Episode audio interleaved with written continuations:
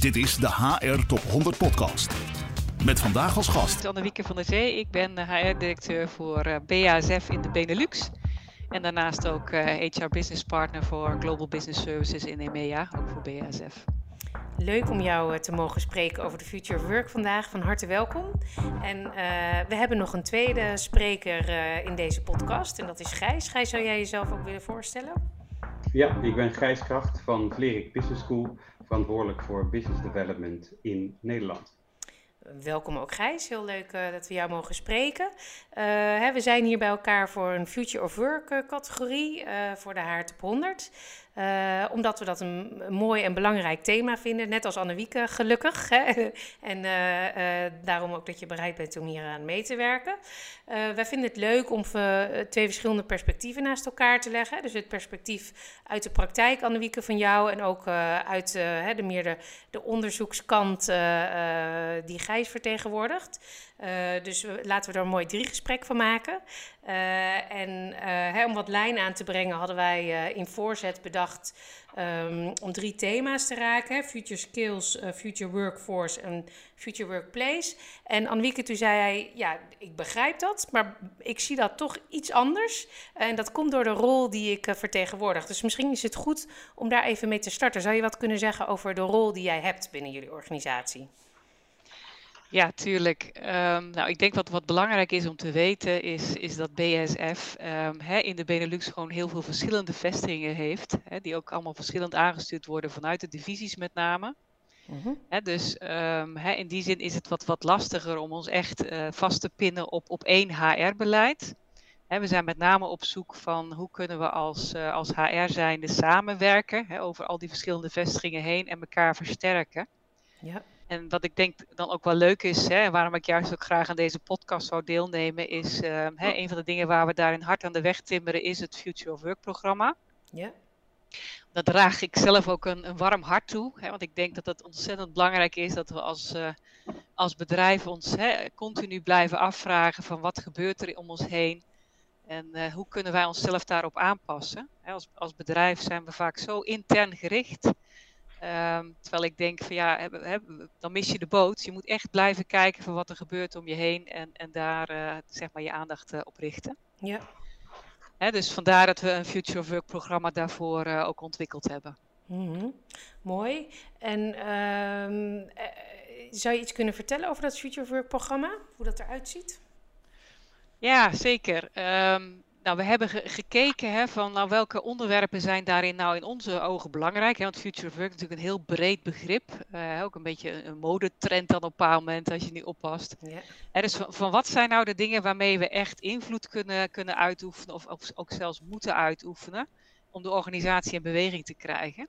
Mm -hmm. en we hebben daarbij vijf thema's uh, geselecteerd. En dat is aan de ene kant leadership development, employee development, maar ook cultural change, uh, remote working, dat hebben we nu omgedoopt in hybrid working. Ja.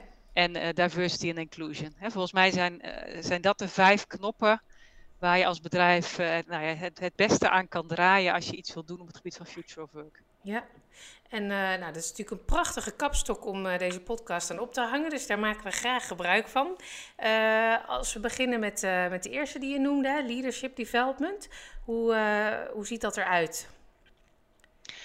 Nou ja, we hebben natuurlijk nagedacht met z'n allen van, ja, wat betekent dit nu voor onze leiders? Hè? Als je kijkt naar Future of Work, als je kijkt naar de, naar de, hè, naar de situatie waar, waar we in zitten met z'n allen, wat betekent dat nou hè, als, als leidinggevende? En ik denk een van de dingen die natuurlijk, um, ja, als je kijkt naar de veranderingen die, die heel belangrijk zijn om te benoemen, is, is de, de coronaperiode waar we nou hopelijk bijna uit zijn, in ieder geval hmm. voorlopig. Ja. En dat heeft natuurlijk heel veel veranderingen teweeggebracht. Hè. Dat heeft uh, veranderingen teweeggebracht hoe, hoe mensen naar zichzelf kijken, hoe mensen kijken naar, naar het bedrijf, hoe mensen kijken naar zingeving. Um, hè, de hele arbeidsmarkt verandert überhaupt, ook natuurlijk vanwege de, de vergrijzing.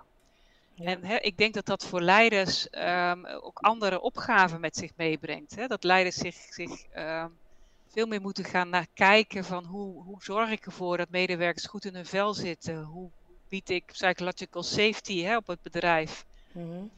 um, en dat, dat vergt vaardigheden van, van leiders die, die je niet zomaar 1, 2, 3 kan verwachten. Mm -hmm. hè, dus wat wij gedaan hebben, is, is aan de ene kant een, een aanbod uh, gemaakt om, om, leiders, hè, om onze managers te laten zien van joh, hè, dit zijn onderwerpen die gewoon belangrijk zijn. Hè. We hebben bijvoorbeeld over happiness at work, maar ook future thinking. Um, hè, dat zijn wat, wat onderwerpen, uh, generation management, gewoon om ook leiders te prikkelen. Zo van joh, dit, dit, dit, is wat er op dit moment gaande is. -hmm.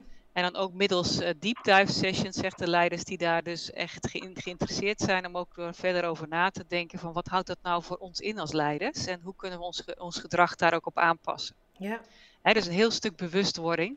Ja. Um, nou, daar hebben we ook heel veel positieve uh, ja, reacties op gekregen. Dat mensen ook wel echt aan het denken zijn gezet. En dat, dat was ook al uh, ja, een beetje onze bedoeling. Ja, ja, mooi. Dat klinkt goed. En uh, Gijs, ik weet dat Vlerik Business School ook uh, focus heeft op leiderschap en ook in de, uh, in een veranderende arbeidsmarkt. Hè? Zou je er iets over kunnen zeggen? Hoe zien jullie dat? Nou, kijk, we krijgen natuurlijk steeds vaker nu vragen van organisaties die zeggen: oké, okay, het uh, leiderschapsmodel wat we hebben, dat moet op de schop. We moeten daar anders naar kijken, precies wat Annemieke zegt. En wij merken zelf dat dat veelal in een vorm gaat. Hybride leiderschap vraagt dus wat meer over hoe kun je mensen op afstand goed begeleiden? Hoe kun je ook de veiligheid, precies wat, uh, wat, uh, wat net gezegd werd over psychologische veiligheid, is een enorm groot belangrijk element geworden. We hebben behoorlijk wat managers ook zien omvallen of uh, zien vertrekken uit zo'n leidinggevende rol, omdat ze in deze dynamiek zich niet enthousiast meer voelen. Mm-hmm. Omdat ze dat toch graag op kantoor wilden doen. Maar los van die puur fysieke of niet fysieke vorm, gaat het ook best wel over wat wij noemen de connecting leadership thematiek. En dat betekent hoe kun je verbindend leider zijn? Niet alleen maar verbinden met je team en de organisatie, maar eigenlijk ook hoe kun je jezelf toe in staat stellen om echt een leiderschapscultuur te waarborgen. En wat betekent dat nu eigenlijk? Ja, dat je het verschil kan maken en mensen daarin ook het gevoel geeft dat ze zichzelf uh, kunnen begrijpen waar zij zichzelf begeven binnen de organisatie en de context daarbuiten. Dat betekent dus dat je eigenlijk niet alleen maar een leidinggevende bent en, en je zelfleiderschap belangrijk vindt.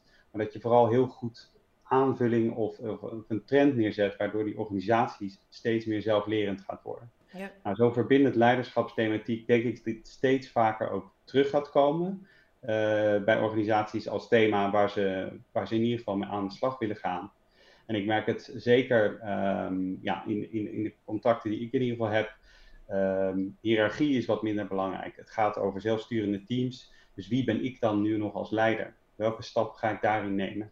Nou, en daar vullen wij in ieder geval bij veel van onze klanten en organisaties ja, een ander type programma aan. Ja, mooi. En hè, dat, dat brengt natuurlijk ook bij de employee development. Hè? Want dat, uh, niet alleen de leider moet natuurlijk ontwikkelen, maar ook de employee. Hè? Annewieke, zou je iets kunnen zeggen hoe dat er bij jullie uitziet?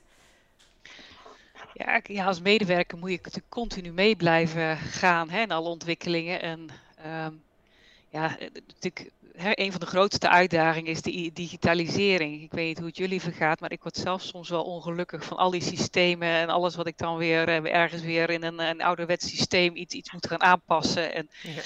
Nou, en ik, ik, hè, dus ik, ik denk ook zeker uh, hè, dat we uh, hè, de, de, de wat oudere generatie daar echt mee in aanraking moeten blijven laten komen. Hè, dus een van de dingen die wij doen is ook digital upskilling. Ja. Um, hè, dus daar hebben wij een programma voor, uh, voor ontwikkeld. Hè, waaruit uh, voor ieder team um, één persoon zeg maar echt deelneemt um, aan um, hè, workshops. En ook zorgt voor die vertaalslag naar het, uh, naar het team waar, hè, waar, waar de persoon in zit. Wordt er ook nagedacht van nou, hoe kunnen wij als, als team zelf nu het beste samenwerken digitaal. Ja. En zeker ook in de coronaperiode natuurlijk ook ja. een enorme boost gekregen. Mm -hmm. en dus dat, dat digitale stuk, dat is gigantisch belangrijk. Um, ja, daarnaast hè, ontwikkelen, um, het ontwikkelen van medewerkers is, is um, natuurlijk enorm belangrijk vanwege alle wijzigingen hè, die continu gaan en die steeds sneller gaan. Maar ook mensen zelf willen zich blijven ontwikkelen. Hè. En is het heel belangrijk dat hun purpose ook uh, voor hun ontwikkelingsbehoeften ook, ook samenvalt met, met wat, wat je als bedrijf kan bieden. -hmm. Um, dus ja, wat we daarin doen, sowieso heeft BASF een enorm aanbod aan, uh, aan, aan, aan leermogelijkheden, maar heel veel digitaal. Mm -hmm.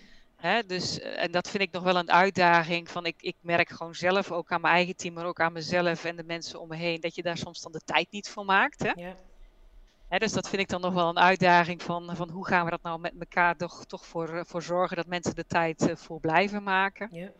En ik, een van de mooie dingen die wij ook, ook nu zijn gaan invoeren, is in plaats van hè, het, jaarlijkse uh, functioneringsgesprek, dat wij over zijn gestapt naar continuous meaningful conversations. Ja. En waarbij het ook de bedoeling is om continu als, als leidinggevende samen met de medewerker te kijken van goh, hè, wat heb je nu nodig om, om je taken goed uit te blijven voeren? Wat heb je nodig om lekker in je vel te zitten? Ja. We bieden ook een Employee Assistance Program aan, hè, want ja, mensen die happy zijn, die performen ook het beste. Hè, met dat Employee Assistance Program kun je dus uh, voor alles wat er in je leven speelt, hè, ook privézaken, hè, kunnen we uh, hulp aanbieden. Ja. Nou, ook financieel proberen we, um, uh, zijn we aan het kijken hoe we, hoe we medewerkers kunnen stimuleren om, om inderdaad opleidingen te blijven volgen. Ook al liggen die opleidingen hè, niet helemaal in het verlengde van het huidige takenpakket, maar iets daarbuiten. Ja. En, uh, nou ja, en ik denk dat er hier een enorme rol ligt voor die leidinggevenden om continu maar te blijven adresseren van joh, hè, hoe ziet het takenpakket eruit? Wat gaat er goed? Wat gaat er minder goed? Hoe kunnen we je helpen? En hoe kun je je blijven ontwikkelen? Ja, mooi. Ja, dus dat je, in plaats van terugkijken, kijk, blijf je eigenlijk continu vooruitkijken. Hè? Dat, uh, ja. dat is wat ik hoor, ja. Hoor je dat ook meer, Gijs, in organisaties?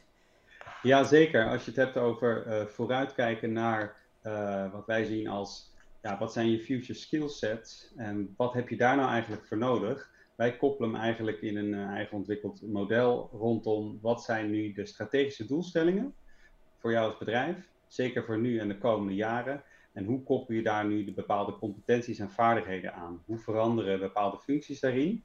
En eigenlijk verdelen we dat zelf tussen persoonlijke en functionele vaardigheden.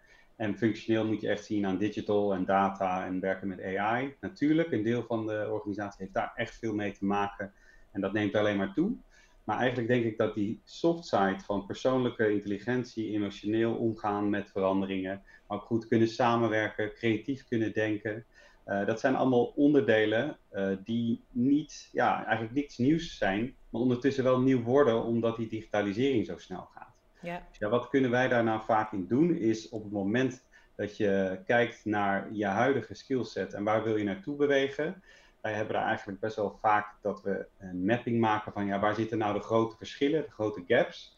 En proberen dan te kijken van ja, richt je nou zeker bij deze doelgroep, bij deze type functies en vaardigheden, uh, dat we daar extra aandacht aan moeten geven aan learning. Maar dat kan ook meer coaching zijn of meer begeleiden door leiderschap. En juist dat soort onderdelen helpen om op zijn minst uh, ja, weg te kijken van het feit, oké, okay, alles wordt heel erg nieuw aan skills. Dus we moeten ontzettend veel uh, programmeerders binnenhalen bijvoorbeeld. Ja, dat speelt ook een rol. Het gaat toch in veel gevallen ook bij, uh, nou, wij in deze podcast. Hoe kun je gewoon omgaan met dit soort veranderingen? En letterlijk dat alleen al is een skill op zich. Ja. Gewoon wezen, in wezen agile blijven en de veranderingen kunnen ondergaan. Dat hebben we nu behoorlijk geleerd de afgelopen jaren. En ik denk dat dat alleen al een essentiële skill kan zijn om, zich, uh, ja, om je daarop te richten. Ja, en uh, in, in, de, in de voorbereiding op dit gesprek hè, hadden we ook even over. Uh, hè, want nu hebben we het ook over grote diversiteit hè, in, in functiegroepen. Annewieke, dat, dat stipt hij ook aan. Hè? Dus de ene medewerker is de ander niet, de ene divisie is de ander niet. Hè? Dus daar zijn grote verschillen. Hè? Je kunt, maar je kunt overal die gap natuurlijk bekijken. Hè? Van waar willen we heen en waar staan we nu. Uh, maar Annewieke, jij zei ook, er zijn wel wat dingen die generiek eigenlijk. Hè, waar we generiek als organisatie mee te maken hebben. En dat, dat vertaal ik dan even ook een beetje op die uh, uh, cultuur. Hè. Je zei, we hebben een, een continue arbeidsmarktkrapte, hè, zitten we in. En, um, en er is een sustainability vraagstuk. Hè. Dus mensen zijn op zoek naar, uh, naar een purpose. En ik dacht, misschien kunnen we daar mooi ook even de relatie leggen naar de cultuur. Want ik voel dat daar zit waarschijnlijk iets, of niet, Annewieke, dat in het binden ja. van mensen. Zeker, hè, maar ook hè, cultural change. Um, hè, dat, dat, dat, ik denk dat daar heel veel aspecten in samenkomen. Hè, binnen BASF uh, hanteren we de core values, hè, wat ook, ook te maken heeft uh, dat we proberen om, om veel meer empowerment te geven aan medewerkers zelf. Hè, wat ook weer, ook weer iets te maken heeft. Kijk, BASF is natuurlijk uh, een, een Duits bedrijf, dus van oorsprong vrij hiërarchisch. En wat ik wel heel mooi vind, is dat er echt wel gekeken wordt van nou, hoe kunnen we dat wat meer ondernemend krijgen, wat meer dat we naar buiten kijken in plaats van alleen naar binnen. Hè, hoe krijgen we medewerkers zelf meer in, in beweging? Nou, dat, hè, dat, dat is ook hè, middels deze core values proberen we dat uh, ook, uh, veel meer te embedden. En met onze cultural change proberen we echt op teamniveau, dus echt heel hè, kleinschalig met teaminterventies te kijken van nou, hoe, gaan we nou, hoe, hoe gaat dit team nou met elkaar om? En waar zitten daar de verbeteringen? En wat doen wij dan met die core values? Hè? En, en hoe kunnen we dat dan verbeteren? En hoe ga je, hè, wat, wat is de rol van de manager daarin? Om echt juist die open dialoog eh, voor elkaar te krijgen. Nou, dat is ook een heel leuk uh, traject, um, hè, waar je ook echt gewoon echt bij de teams binnenkijkt van wat speelt daar. Hoe open wordt hier nou gecommuniceerd? Hè? Want de hè, core, open, transparant is daar ook een belangrijke in. En, um, en geeft de manager ook echt voldoende ruimte aan medewerkers om zelf te groeien en zichzelf te ontwikkelen. Dus dat is een mooie, zeg maar, uh, vergaarbak waar, waar al deze dingen ook in, uh, in terugkomen. Ja, ja, precies. Um, en, en dat hybride werken, hè? je zei het was eerst remote working, hè? nu is het hybrid working geworden. Gelukkig zou ik bijna zeggen, hè? want we mogen eindelijk weer een beetje terug naar kantoor. Hoe ziet dat er bij jullie uit? Nou, ik, ik denk, hè, corona heeft ons heel veel ellende gebracht. Maar een van de dingen, hè, positieve dingen, wat ik echt vind, is dat uh, nou, we hebben echt ontdekt van remote working kan. En dat, dat is toch, eh, ik vind dat echt een, zegen voor iedereen. Hè? Uh, als, als medewerker, hè, voor je well-being als medewerker, hè, dat je ja, toch beter je privé en, en je zakelijk leven met elkaar kan vermengen. En er zijn ook meer uh, functies voor jezelf als medewerker ook beschikbaar. Hè, als, als bedrijven daar, daar voor openstaan. En als bedrijf heb je dus ook een grotere arbeidsmarktpool hè, tot je beschikking omdat hè, dat we, uh, remote working uh, mogelijk is. Dus voor BASF, ehm, hè, ook als je kijkt wat onze, onze board daarin in vindt, hè, die, wil, die wil hier ook echt um, nou, alle mogelijkheden voor blijven geven. Hè, dus um, juist ook vanuit dat well-being perspectief, maar ook vanuit het vergroten van die arbeidsmarkt. Hè, dus dat we echt proberen op teamniveau ook weer te bespreken van nou wat werkt voor ons als team. Ja. Als ik kijk naar mijn eigen team, hè, mensen zitten in, in België en in Nederland. Uh, nou, weet je, als, als we met het Nederlandse clubje één dag in de week ergens bij elkaar komen, vind ik het, vind ik het prima, vind ik het genoeg. Hè, en voor de rest moet iedereen kijken waar, waar hij of zij het beste werkt. Hè. Dus we blijven ook gewoon veel vanuit huis uh, werken. Ja. We zijn nu voor ons hoofdkantoor in Arnhem, dat is ook wel leuk. Hè? Dat was nog best wel een beetje ouderwets ingericht met, met heel veel kantoren en, en muurtjes. En dan gaan we ook naar een uh, nieuw kantoor ergens uh, halverwege het jaar. Dat echt activity-based working. Uh, e-mails doe je thuis maar even heel plat geslagen. Ja. En he, je komt met name naar kantoor om, om samen creatief te zijn, om, om dingen te bespreken, om ook de verbinding te, vo te voelen en te houden. Mm -hmm. En want dat is natuurlijk wel wat, wat de uitdaging is als je met z'n allen altijd alleen maar naar dat schermpje zit te kijken. He, dus we willen dat echt op teamniveau he, um, laten bespreken. Maar goed, we hebben natuurlijk ook echte productiebedrijven. En ja, dan is het dus juist niet mogelijk. Dat is ook wel heel lastig geweest natuurlijk in de afgelopen periode. Ja, zeker. Ja, ja. Dus die zijn blij dat ze gewoon weer helemaal uh, terug kunnen naar uh, de oude werksituatie, kan ik me voorstellen. Ja. ja. Ja. ik hoor ook wel eens mensen zeggen dat wij hè, in de media hè, überhaupt een vrij eenzijdig beeld laten zien. Hè, van vooral de kantoormedewerker die inderdaad uh, hybride werkt. Hè, terwijl er natuurlijk een heel groot deel van onze arbeidsmarkt uh, gewoon in de fabriek staat. Hè, of uh, of aan een bed verzorging biedt. En waar dat natuurlijk veel minder voor geldt. Ja, dus ja, dat kan ik me voorstellen. Gijs, wat horen jullie terug over dat hybride werken? Ja, kijk, het is wel interessant, want uh, dat wat al een tijdje door al, alle mensen werd bekeken van oké, okay, wat betekent hybride werken? Dat is eigenlijk zo in ieder geval in Nederland nu letterlijk sinds deze week heel concreet geworden. Omdat je dan in één keer een beetje diffuus eh, beeld hebt waar mensen werken en hoe je daar dan weer als team het beste op inspeelt. Ja, wij zagen een enorme groep die op een gegeven moment terug naar normaal wil. En een groep die bijna zegt dat kantoor kan wel weg. We gaan gewoon volledig virtueel werken. Nou, en daar iets daartussenin, zeker omdat dat interessant is dat het kabinet zegt ook, ja, je moet helft van de tijd uh, thuiswerken. Zo simpel werkt het voor bedrijven natuurlijk niet. Uh, maar het punt is juist, wij pleiten heel erg voor dat je uh, bedacht bent op het beleid wat je invoert hierop. En dat je niet zo strikt kan zijn in puur voor de hele organisatie hetzelfde, maar dat je zegt, ja, we hebben eigenlijk een bepaalde, wat we dan mooi noemen, flexi-clarity. En wat betekent dat? Je stelt wat richtlijnen op van hetgene, waar, hoe, gaan we met elkaar om? Hoeveel vrijheid geven we elkaar om privé en zakelijk te combineren? Ja, wat is de rol van het kantoor eigenlijk, wat Annemieke net zei? En hoe zorg je goed voor elkaar als je dus niet altijd bij elkaar bent?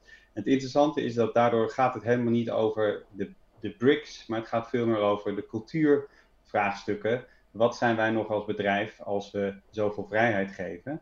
En ondertussen wel doelen willen halen. Hè? De, totale vrijheid, die zie ik nergens gebeuren. Dus heel veel HR-managers zeggen, op dit moment moet ik echt wel uh, alle, alle hands aan dek om helderheid te creëren.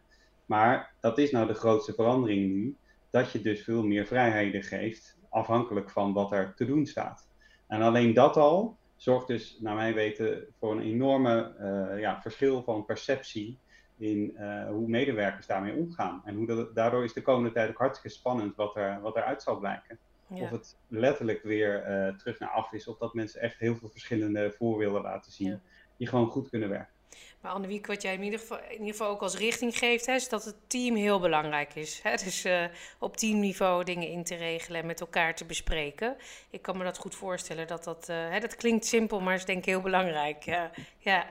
En uh, misschien nog leuk om de laatste af te maken, diversity and inclusion. Daar ben ik ook heel benieuwd naar, hoe jullie daar naar kijken. Ja, dat is voor ons echt een heel belangrijk thema. Hè? En, en zeker dat in, inclusie. Nou ja, we weten natuurlijk allemaal dat uh, diverse teams, uh, of teams met, met mensen vanuit verschillende pluimages, verschillende achtergrond, verschillende stijlen, dat daarvan de performance echt uh, stukken beter is.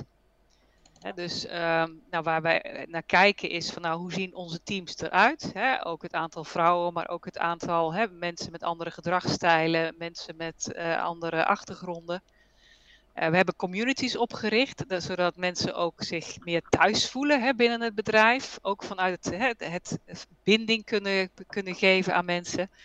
En het uh, thema inclusie, hè, inclusief leiderschap, is daarin ook een van de thema's die wij weer bij Leadership Development ook weer aanbieden. Ja. ja.